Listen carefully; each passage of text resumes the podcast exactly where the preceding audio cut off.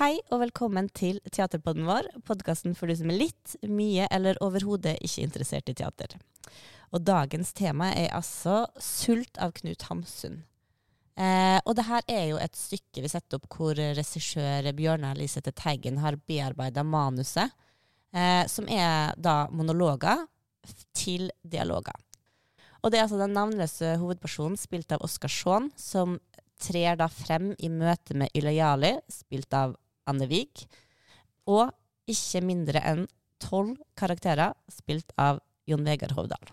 Og Derfor har jeg invitert de tre skuespillerne inn hit i dag. Eh, og det jeg har lyst til å høre, er litt mer om dem sitt forhold til boka 'Sult'. Og om de kanskje da har brukt noe av elementer av egne liv inn i stykket de spiller. Så hei og velkommen, Oskar, Anne og Jon Vegard. Takk. Hei, Stine.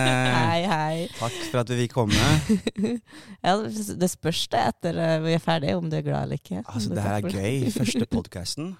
Ja, første podkasten er med i. Ja. Ja. Ja. Min andre. Oi, oi, oi. Er det? Hva har du vært med i før, da? Nei, okay. nå snakker jeg ikke om det. Men altså, først, gratulerer med gode anmeldelser. Tusen Takk. takk. Takk. Tusen takk. For å være sånn sportskommentator, eh, hvordan føles det?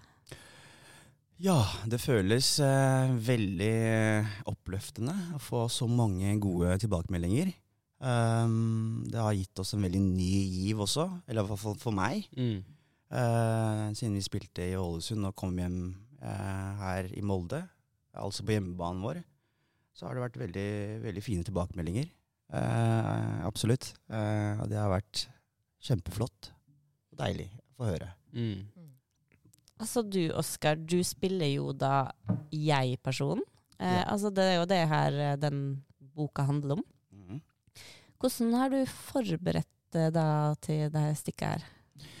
Ja, et veldig godt spørsmål. Eh, jeg spiller altså da den, den navnløse hovedpersonen som eh, går gjennom en fysisk og psykisk eh, tilværelse som en fattig forfatter i en fartende, utfordrende storby.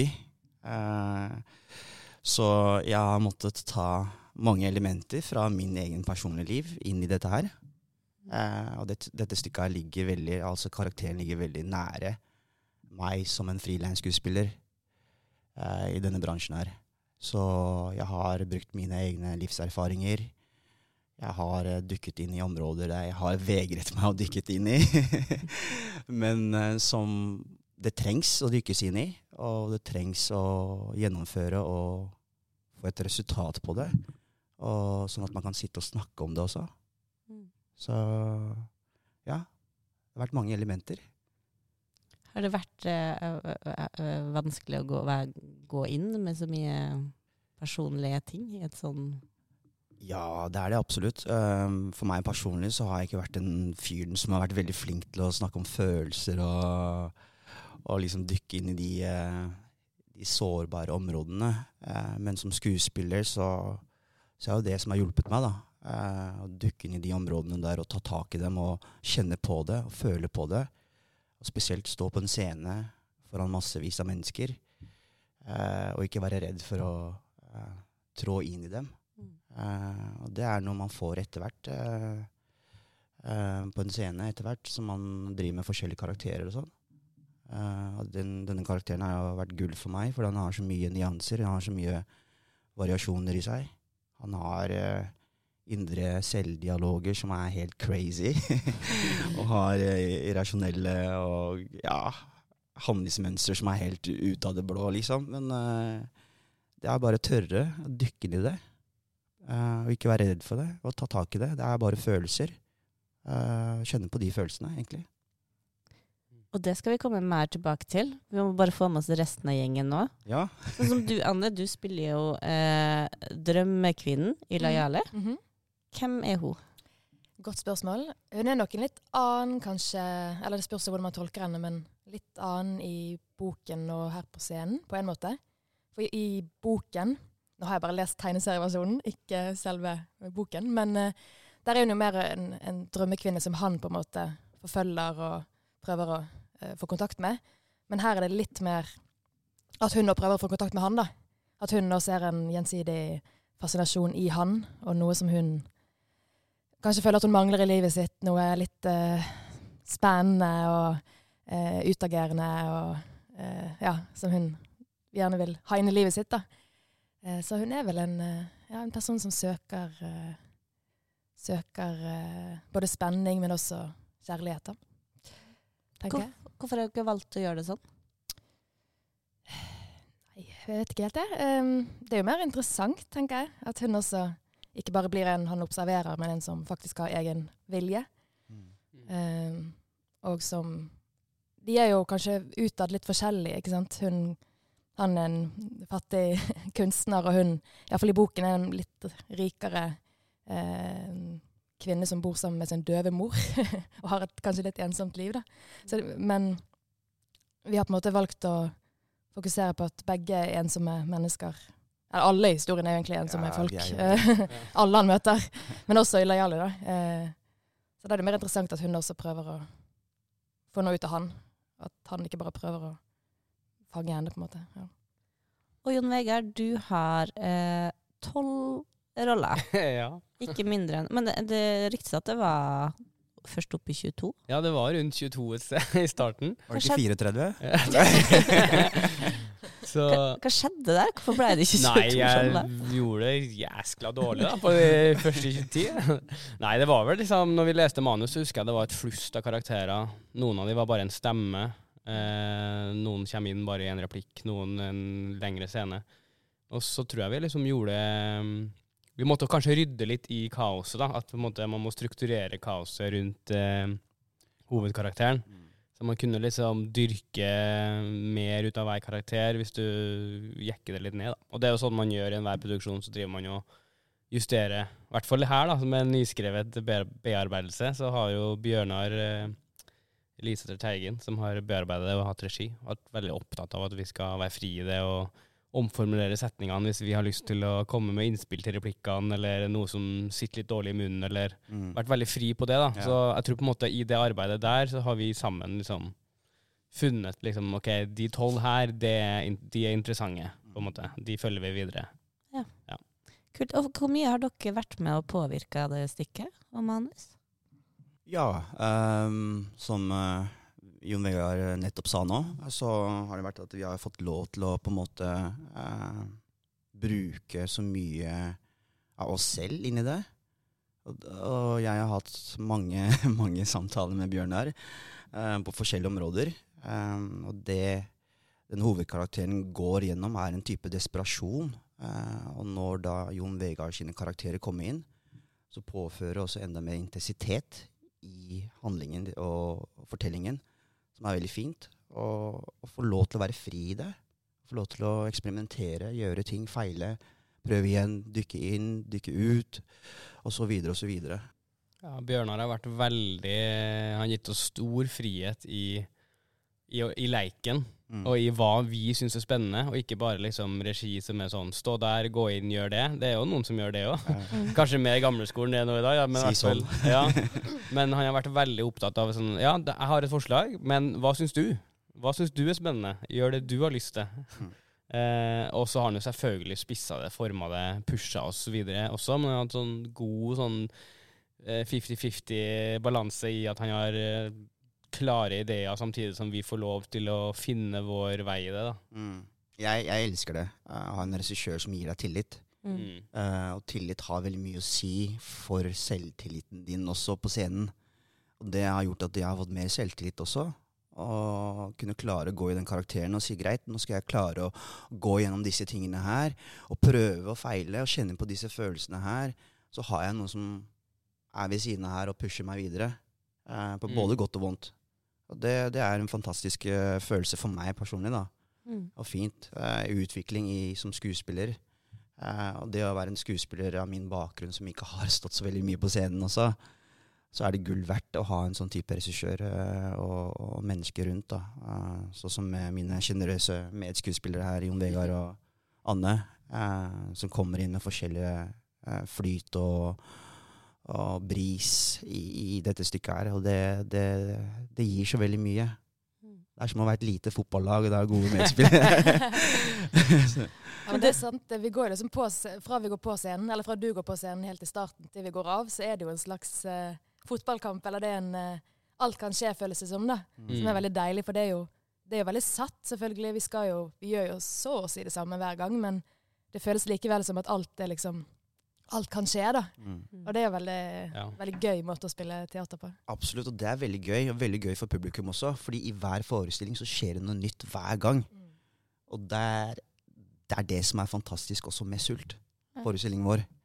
Uh, så ja.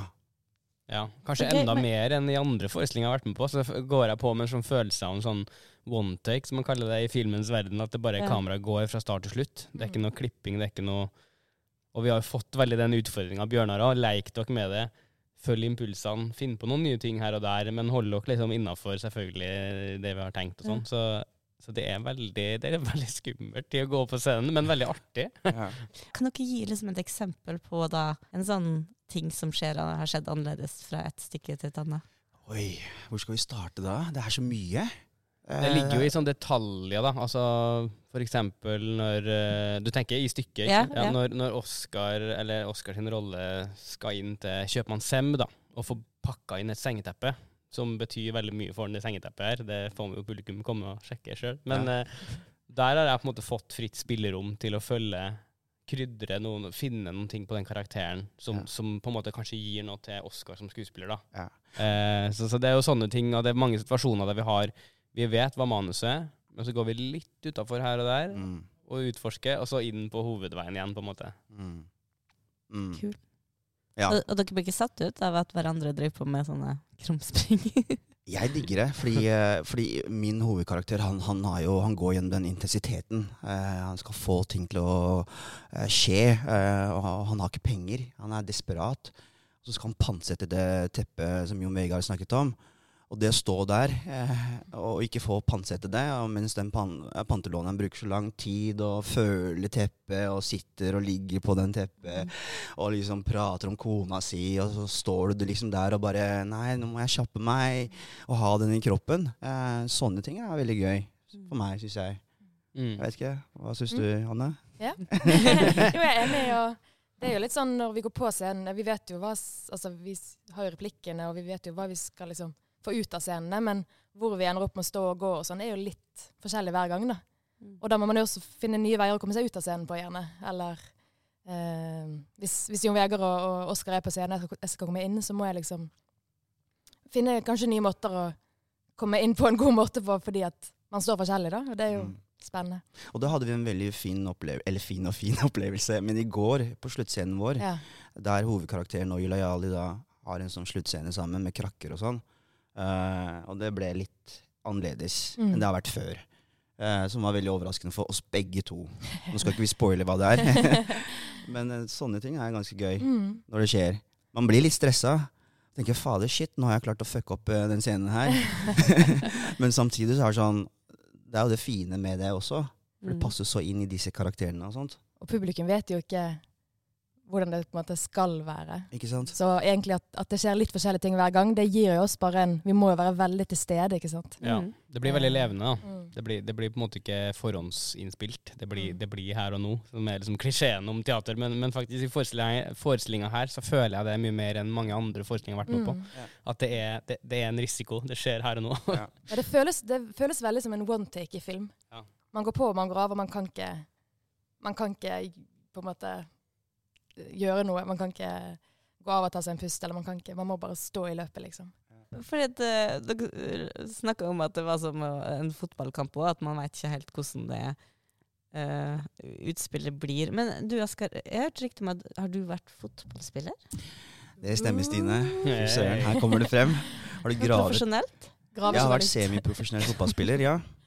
Jeg spilte for et av de beste bondelagene i Norge. Neida. Jeg spilte for Lillestrøm, så ja. Jeg har vært en tidligere fotballspiller. Og det å være en fotballspiller er egentlig det samme som å være skuespiller, altså frilansskuespiller. Du er avhengig av elleve andre medspillere som kan enten gjøre deg god eller dårlig. Og du også kan gjøre dem god eller dårlig. Og stå foran, foran et publikum som ser på deg. Um, og så komme med nyanser. Komme med ja, driblinger eller forskjellige finter, pasninger og sånne ting. Så, så fotball, fotball er, føler jeg er veldig, veldig i nærheten av skuespilldelen av meg også. Så gøy. Det har jeg ikke tenkt på. Nei. Nei? Vi får invitere inn MFK-spillerne til å komme Ja. og se teater. Kanskje Ja. får dere utbytte av Det det. er veldig kult Ja. da, at det er en sammenligning der, for man tenker jo ofte på det som sånn at nei, men idrett er jo konkurranse, og eh, i teatret så, så, så, så er det samarbeid. At det er på en måte det er Mm. motsetningene. Da, men det er jo mange mer Mm. likheter enn man kanskje tror. Masse. Sånn som uh, hovedtrener, det er jo regissøren. Mm. Han setter opp laget, han setter opp uh, spillesystemet. Han velger hva han ønsker, så er det fritt innenfor det Mm. området, altså innenfor banen. Spiller hverandre gode eller dårlige, eller hva den gjør. Mm. Så ja. Kult. Men hvordan gikk er veldig Karrieren gikk i dass, derfor jeg ble skuespiller. Men hvordan, gikk, hvordan var veien fra uh, fotballspiller til skuespiller?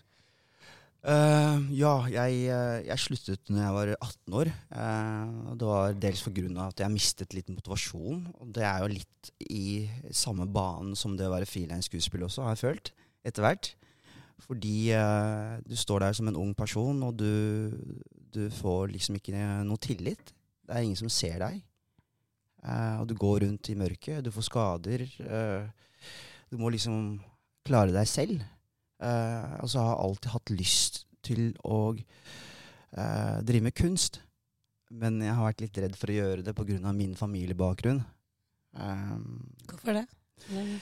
nei, jeg er jo Jeg kommer jo fra en uh, innvandrerbakgrunn, og det er jo ofte i innvandrerfamilier så er det slik at de ønsker at barna dem skal ta noe stabilt. Mm. Noe som er sikker for fremtiden. Uh, så min familie har lyst til at jeg skal bli lege og advokat, det klassiske. Eh, og så hadde jeg fotball ved siden av, og så følte jeg at ikke det funker helt, fordi jeg savnet noe mer, noe mer dypere. Eh, og da ville jeg drive med skuespill. Eh, og jeg fikk en liten smak av det når jeg gikk i tiende klasse. Da hadde, hadde vi en sånn avslutning Mm. eh, på skolen. Eh, da spilte vi Romeo og Julie. Og det var den smakbiten jeg fikk. Eh, når jeg fikk den tilliten også fra læreren, Mm. at han så noe i meg, det ga meg også mer smak. Eh, og så hadde jeg det i baktanken, og så søkte jeg på eh, NIS, het den skolen på den tiden. Eh, det var i Oslo, Skuespillerlinja? Ja. ja, stemmer. Som har blitt Westerdals nå. Mm. Og da kom jeg inn der, og så var jeg heldig å få på en måte den grunnmuren da, i teater. Jeg hadde ikke hørt om Ibsen før, jeg hadde ikke hørt om Hamsun og alle de folka der. Så ja, så har jeg siden etter det jobbet som frilansskuespiller. Og det går litt sånn hånd i hånd som en fotballspiller også. Ja, hvordan er det livet egentlig som frilansskuespiller? Eh, som livet som frilansskuespiller er jo eh, det er ganske tøft. Mm. Eh, noen ganger så får du en del jobber, andre ganger så, så blir du stilt uten jobb, og det går lang tid mellom hver gang. Så det har vært opp og ned. Går du på audition, da? Og Ja, hvis du blir invitert til en audition.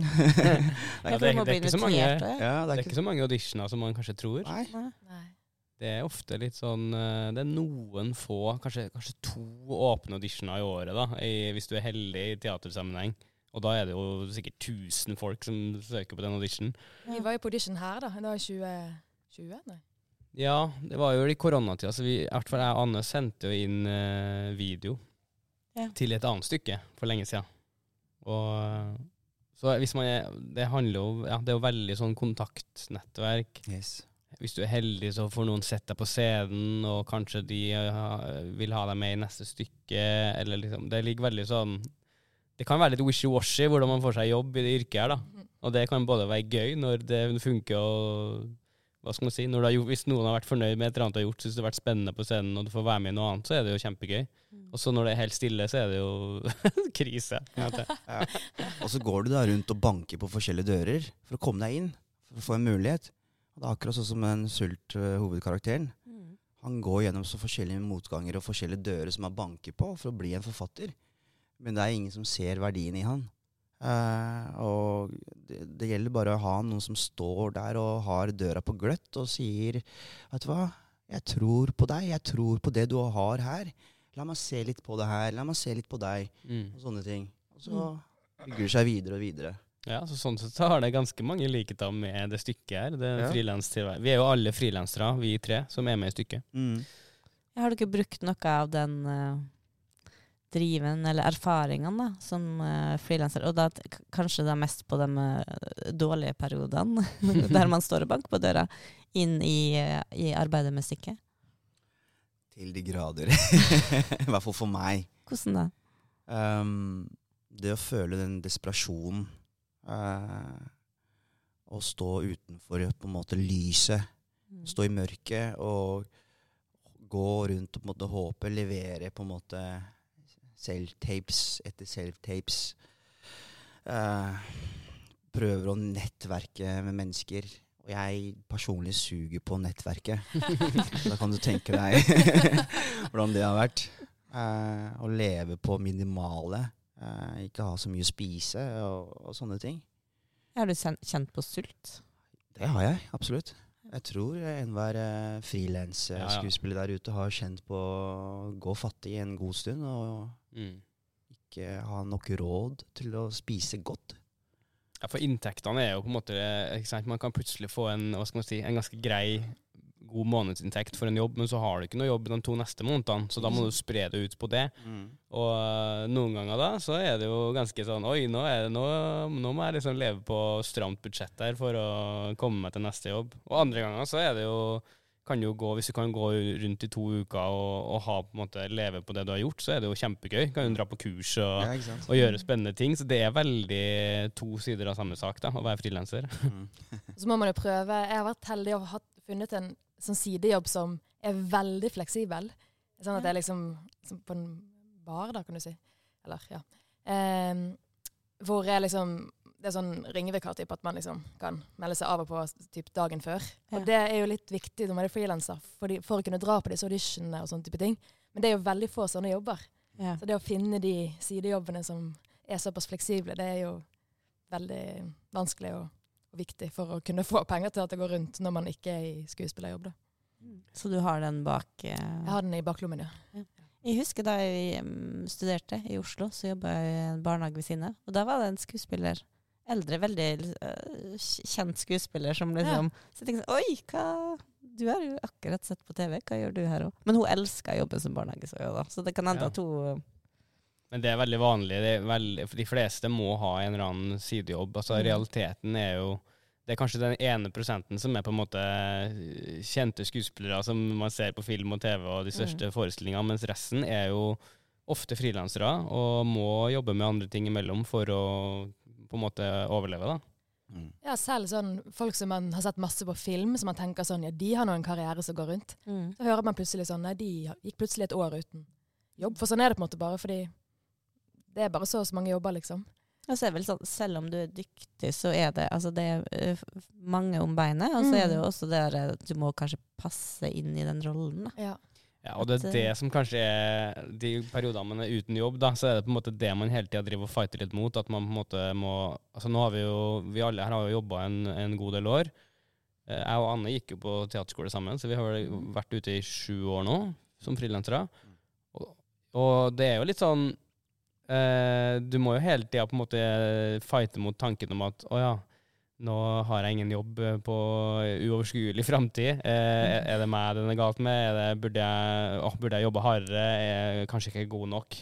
Den følelsen der da, som han Sul-karakteren har, han driver også og kjemper med liksom Nei, jeg er god nok. Eh, jo, men, nei, men det er jo ingen som ser meg. Jo, men eh, ok, men kanskje det bare var tilfeldig at jeg ikke fikk Altså, hele tida den fighten der. Og det blir man jo mer med vant til, da, det skal jo sies. Hvis det sitter noen der ute som har lyst til å bli skuespillere, så ikke bli skremt av det her. Men det er en realitet, da. At det er liksom ikke en dans på roser. Det er, Mm. du, må, du må kjempe for å få et slags grunnlag av selvtillit i det du gjør, da. Mm. Og ikke tvil på deg selv. Eh, Jeg sier det høyt nå, men det også sier jeg til meg selv. Mm. Eh, Det har vært stunder da jeg har tvilt på mine ferdigheter fordi jeg har kjempet så mye, og ingen har sett det jeg har kommet med. på en måte. Og da blir det til at uh, over en periode så begynner man å bli litt sånn psykisk sliten av det. Mm. Eh, og litt tilbake til det du sa, å passe inn. Mm. Og der tror jeg nok vi har lang vei å gå, og der vi må bryte en del barrierer. Eller tenke på hele mennesket, hele spekter på den kunstneren. Mm. Istedenfor å da ha en typecast, eh, Mm. bare utseendemessig, eller hva nå det er. Mm. Eh, og bryte disse små barrierene. Mm. Det er mye typecasting der ute, ja. Så er det jo mye, syns jeg, da. Det er jo mye positivt med frilanser også. Mm. Sånn at vi plutselig nå sitter i Molde, liksom. Eller jeg bodde i Mo i Rana. Og liksom, det er jo det er mye spennende som kommer med det også. Så det, man må bare veie sånn om det på en måte er positivt eller negativt nok, eller sånn. ja. Eh, så det er jo Ja, for jeg har prata litt med deg, og jeg har fått inntrykk av at du trives her i Molde. Ja. Sånn, ikke bare på teatret, Anne men i elsker Molde. Jeg elsker Molde. Oh. Hva du elsker med Molde? Jeg syns Veldig viktig for oss moldensere. er, det ros, er det rosende? Nei, jeg syns det er det, det er jo en ikke sånn veldig stor by, men den føles veldig sånn levende på en måte. Det er et eller annet Og jeg liker at det er I ganske mange byer så er det bare kjøpesentre, liksom. Men det er den der gågaten eller den, ikke gågaten, men den hovedgaten med de butikkene på gateplanet. Mm. Og så syns jeg det er liksom Ja, quiz to ganger i uken, og klatrehall og svømmehall og badstue. og- Ja. Ja, jeg Det er veldig koselig her. Det er veldig koselig i Molde. Absolutt. Det er veldig Absolutt. koselig i Molde. Jogge langs kaia, det, det er veldig hyggelig. Ja. Og så er jo teateret og på en måte hele plassen er jo veldig Gjør jo at det føles også mye bedre, selvfølgelig. At det er såpass stort teater med bibliotek og jazz og mye som skjer, liksom. Du kan gå på fjelltur. Jeg hadde min første fjelltur her oppe på Misundtrappene. Ja. Noe som var helt fantastisk. Ja. Eh, Fikk du blod på tann? Ja. Og, og det er noe jeg har savnet i mitt personlige liv. Og det er noe jeg har puttet på bucketlisten min, som jeg skal gjøre mer av. Gå på fjellturer. Ja, for nå har du, du har jo spilt i Villanden, ikke sant? Og prøv, du har bodd der nesten et år? Ja, jeg har bodd der et halvt år nå. Ja. Så det har blitt mitt andre hjem, faktisk. Men du har bare gått på én fjelltur? Ja. Ja. Og nå må du virkelig steppe opp Ja, jeg siden må det er steppe ny opp virkelig. Det har bare vært jobb. Men nå er det jo Bare kveldsforestilling, da. Hvis det er noen der ute som har lyst til å ta meg på fjelltur, så, så stiller jeg meg veldig glad til det. Jeg sender mail til post at teatervakt.no. Så blir det videreformidla til Jeg tror bare liksom én ting som du snakka om, hva det har bringa inn i prosjektet her. Og det, det tror jeg Fordi Oskar har jo åpenbart, siden han spiller jeg-karakteren som går igjen der, så kan han liksom ta veldig det inn i det. Mens for vår del, jeg vet ikke med deg, Anne, men jeg, jeg har i hvert fall sånn Man får veldig medlidenhet med prosjektet, da. Det, det ligger mye Det betyr ekstra mye, det prosjektet her. Mm. Mm. Fordi vi kan kjenne oss ganske igjen i materialet. Og ikke bare skuespillere, men det gjelder jo alle. Mm, det er Eh, universelt, det ja, der. Det å aldri gi seg hvis det er noe du har lyst til å gjøre. Mm. Ikke la det, ikke tenk at det bare er en uh, gutte- eller jentedrøm som forsvinner, på en måte, men har du lyst til å gjøre noe, så i hvert fall prøv. Jobb hardt for det.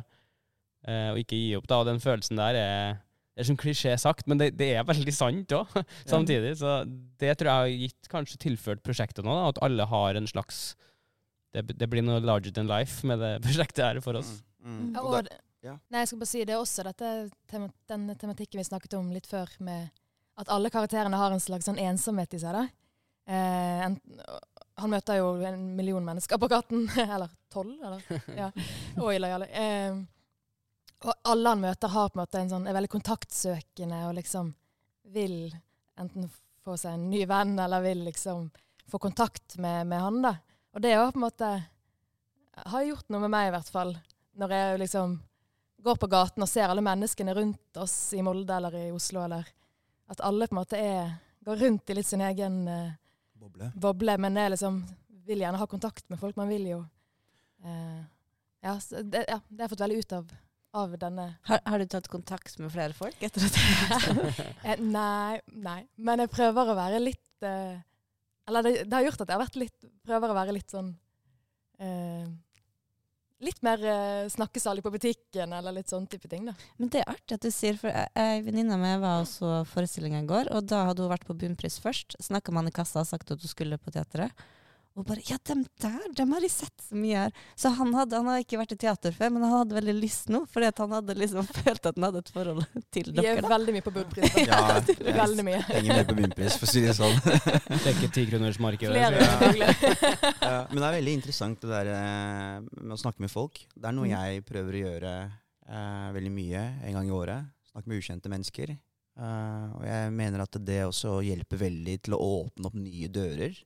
Eh, i både sinn eh, og andre steder som et menneske. Eh, du får nye innfalls, innfallsvinkler på, på den personen du snakker med. Mm. Og det er jo veldig fint, fordi vi mennesker er jo, vi trenger jo hverandre. Mm. Vi, vi trenger å åpne opp og snakke med hverandre. Spesielt i Norge, Ja. der vi er veldig i våre egne bobler og uh, går for oss selv og har mye tanker og følelser inne som vi holder inne. Mm. Eh, få dem ut, snakke med ukjente mennesker. Uh, Rette blikket litt opp, på en Ja. Ikke ja. bare Vi ser jo det på trikken i, i Oslo, så hvis du, hvis du plutselig sier hei til noen, så blir folk redd. Men uh, i, jeg var i Italia da, i august, og der er det sånn folk snakker til deg hele tida. Ja. Og, og det, det gjør noe med deg, for du må Mm. forholde deg til folk. Og da er det kanskje lettere også, da, å få i gang en samtale og ja, kanskje lettere å være litt sammen, på en måte. Mm. Men altså, var, det tilbake til det vi var inne på med skuespilleryrket, og at det er hardt, og det å være frilans. Hvorfor gidder dere å fortsette når det er i sånne vanskelige perioder? Veldig godt spørsmål. Det er veldig gøy, da.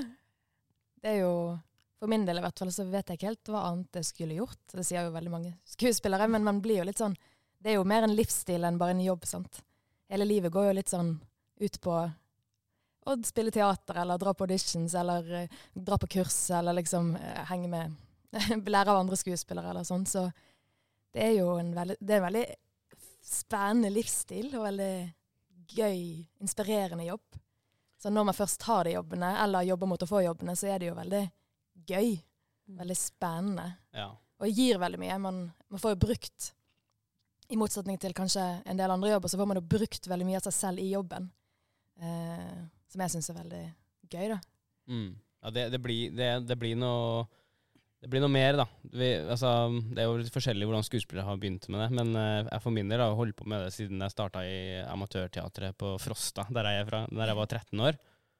Og bare, det har vært en uh, lidenskap fra da.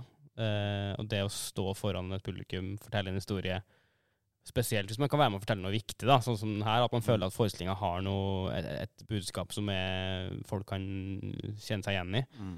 Men også uh, gjort mye komedier, eksempel. Og da er det, da er det ren og skjær glede av å få folk til å le. 200 mennesker som sitter og ler og har det gøy sammen. Det skjer jo ikke så ofte, det. Den følelsen kan jeg leve på veldig lenge, eller flere måneder etter at uh, forestillinga er ferdig. på en måte. Det er nok kanskje det, den drivkraften da, i å stå på scenen som gjør at man ikke Ja, man møter mange hyggelige folk, mange nye kollegaer. Det er en veldig sånn øh, ja, vi er, Skuespillere og teaterfolk er kanskje veldig Man blir jo veldig personlig inn i arbeidet. Så Man blir en liten familie hver gang, og så er det kjipt når den familien oppløses. Men så er du heldig, og så får du møte noen ny. Det er liksom den øh, Jeg tror det er det som gjør at man ikke Nå skal det sies at det er ikke, det er ikke, det er ikke utelukkende sånn det er ikke alltid jeg gleder meg til å gå på scenen. Jeg, jeg kan grue meg til å gå på scenen fordi å, skal jeg virkelig ut der nå igjen og, og stå foran folk og gjøre det her? Vi har også den følelsen som skuespillere, men, men så, da, når du går inn og, gi, og går all in i det, så er det kjempegøy. Så det er veldig to sider av samme sak, da. Litt sånn som når du sier sånn du angrer aldri på en treningsøkt eller en fjelltur, Ja. eller Ja, Når du først er i gang. Mm. Dørstokkmila, da. Ikke sant? veldig. Komme seg inn på det teaterscenen, og så Ja, ikke sant. Mm. Ja. Men altså, det, det kanskje, ikke, kanskje det er en skuespillerhemmelighet du ikke har lyst til å dele, men eh, iallfall da jeg så stykket, så gråter du jo. Jeg vet ikke om det, det er noe som skjer liksom hver, hver gang, men hvordan, hvordan, hvordan fremprovoserer du tårer? For jeg tenker sånn, Da jeg ser på film at folk griner, så tenker jeg at jeg hadde fått litt sånn peppermyntespray. Ja. Men jeg ser jo det er jo på en Løk måte eller et eller annet. Ja, du har jo ingenting sånn Litt av tigerbalsam under Ja. Tigerbalsam under, eh, som jeg sniffer på. Nei. Uh, nei, det er jo litt tilbake til det spørsmålet du stilte til å begynne med. Uh, hvordan man jobber seg inn i de forskjellige karakterene. Og for meg, det er derfor jeg på en måte gidder dette her også. Uh, og jeg elsker det og på en måte holder det eh, ved like. Og det er jo da ta med mine livserfaringer som jeg har hatt, eh, på både godt og vondt, i de momentene som jeg står i som hovedpersonen. eh, gå gjennom på. Um, så det er litt vanskelig å si akkurat. Noen ganger så varierer det litt, da. Um, så får vi se om jeg klarer å bevare de tårene, eller hva det er, uh, når vi er ferdige om en måned. Men, uh, men uh, det er bare rett og slett å være i momentene og føle, føle så dypt det karakteren går gjennom på. Mm. Bruke sine egne livserfaringer på det. Og har du ikke det, så kan du selvfølgelig prøve å bruke noe annet som kan erstatte for det også. Mm. Eh, Noe som er kanskje nærliggende, noe som er sårt, og så, og så videre. Jeg har alltid tenkt at det er imponerende, syns jeg. ja, det er Ja, ikke greit. Og det er liksom skrekken nå som skuespillere er jo på en måte hvis en regissør sier 'her skal du gråte'. Mm. Da, Ja. da, da, hvert fall for min del, det, det, da går det ikke. Og det skjer, det, de beste regissørene gjør jo ikke det. Nei. Altså, det er på en måte mer sånn uh, Skjer det, så skjer det. Mm. Jobbe grundig Mm. og systematisk med en scene. Nå skal du leve i det. Gi alt du har, og det som skjer, det skjer. Mm. Og det, det opplever jeg jo med Oscar da, på scenen, at du er veldig, du er veldig god på å ja, ta inn det, det som skjer emosjonelt. da. Ja, takk for det. Takk for det, Jon Vegard. Det er, eh, det er veldig mye også å si med de du har rundt, og den fortellingen du har også, og hva det gir. Eh, sånn som den ene scenen vår, ikke sant, der jeg står der og har gått gjennom de desperasjonene, forskjellige dører og sånne ting, eh, og alt har blitt låst og slengt. Og være fysisk utmattet og psykisk utmattet. Mm. Og da ha noen på den andre siden som ser deg, som er villig til å hjelpe deg. Eh, og det, det gjør noe med deg som et menneske. Det burde i hvert fall gjøre noe med deg som et menneske.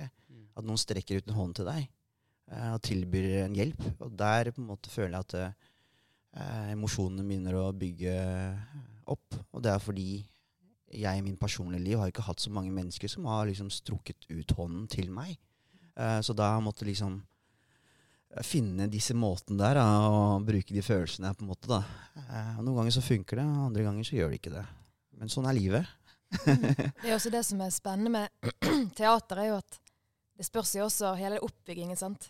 Noen kvelder så kan det jo skje at, altså generelt da, som skuespiller, men noen kvelder kan det jo skje at hele oppbyggingen fører til at du kjenner mer på et sinne mot et eller annet, eller, altså, eller en eh, Eller at du kjenner at tårene kommer, eller at du kjenner at du bare vil leve i situasjonen. Eller altså Det vil jo være litt forskjellig fra dag til dag også i forestillinger. Ut ifra hvordan hele forestillingen har gått, på en måte. Ja. Og det kan være de minste ting. I Mm. går så fikk jeg ikke dekoderen til å funke i leiligheten jeg bor i, og da sto jeg faen helvete, Gråter og du? gikk inn der og var sånn Nå skal jeg inn der og spille ut den aggresjonen. Skal han faen meg få! Så de tar med oss alt, og det kan gi et eller annet energi, da. Ja. I stedet for å avvise det, det du føler inni deg. Ta det Mm. med, bruk det. Kanskje du får noe annet fra en annen skuespiller som klarer å få deg inn i en annen. Eller sånn, alt, alt du tar med inn i rommet, er gull verdt. Da. Mm. Mm. Spesielt i dette rommet som vi holder på, Mm. som har så mye svinginger og nyanser og mye ting. Så kan man bruke veldig mye av sitt egen livserfaringer, eller det du har gått gjennom den dagen der, og Mm. bare ta det med inn i det rommet. Og det gir enda mer kjøtt eh, på beina. Mm. Det er det som også gjør at det er spennende for Eller jeg ser jo alltid, eller ofte forestillinger jeg liker mange ganger. Eh, så jeg har sett flere forestillinger sånn syv ganger og sånn, da jeg var yngre i hvert fall. Eh, Mhm. og det er jo fordi at hver kveld er forskjellig, ikke sant?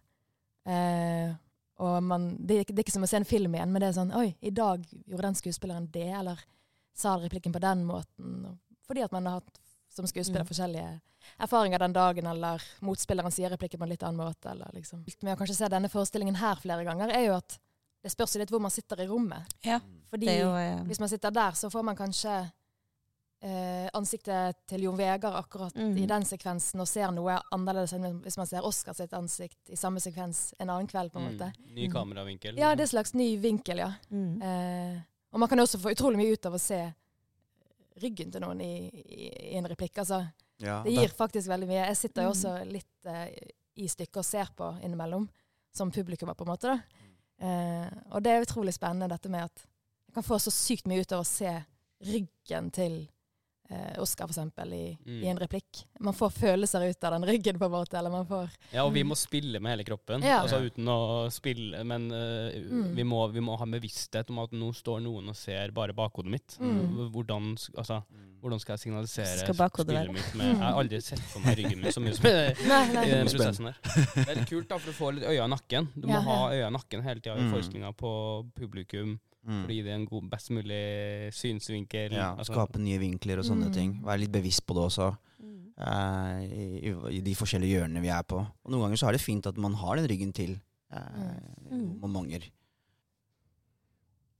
Tusen takk for at dere kom. Tusen takk for at vi fikk komme. Stine. Takk. Det var gøy. Takk for at dere delte. Veldig gøy for oss også å lande litt, snakke litt om forestillinga. Fordi Ja. nå ses vi jo bare på forestilling. Vi har jo Mm. vært sammen og øvd i mange mange uker hver dag. Og plutselig så med sånn, møtes bare i to timer hver dag. Ja, En rar følelse. kanskje, Vi skal snart på turné, da, heldigvis, og da er vi sammen konstant. Ja. men kanskje dere skal bli med Oskar på fjelltur, da? Ja. Det kan hende. Eller i badstue. Eller blir dere ikke lei av hverandre at dere Nei. Nei. Ikke ennå, men det, det kommer sikkert til å skje. Nei da. Spør om en måned. Ja. Slåssing i Ja. kulissene. Publikum bare wow, det var mye følelser i det stykket der. Altså.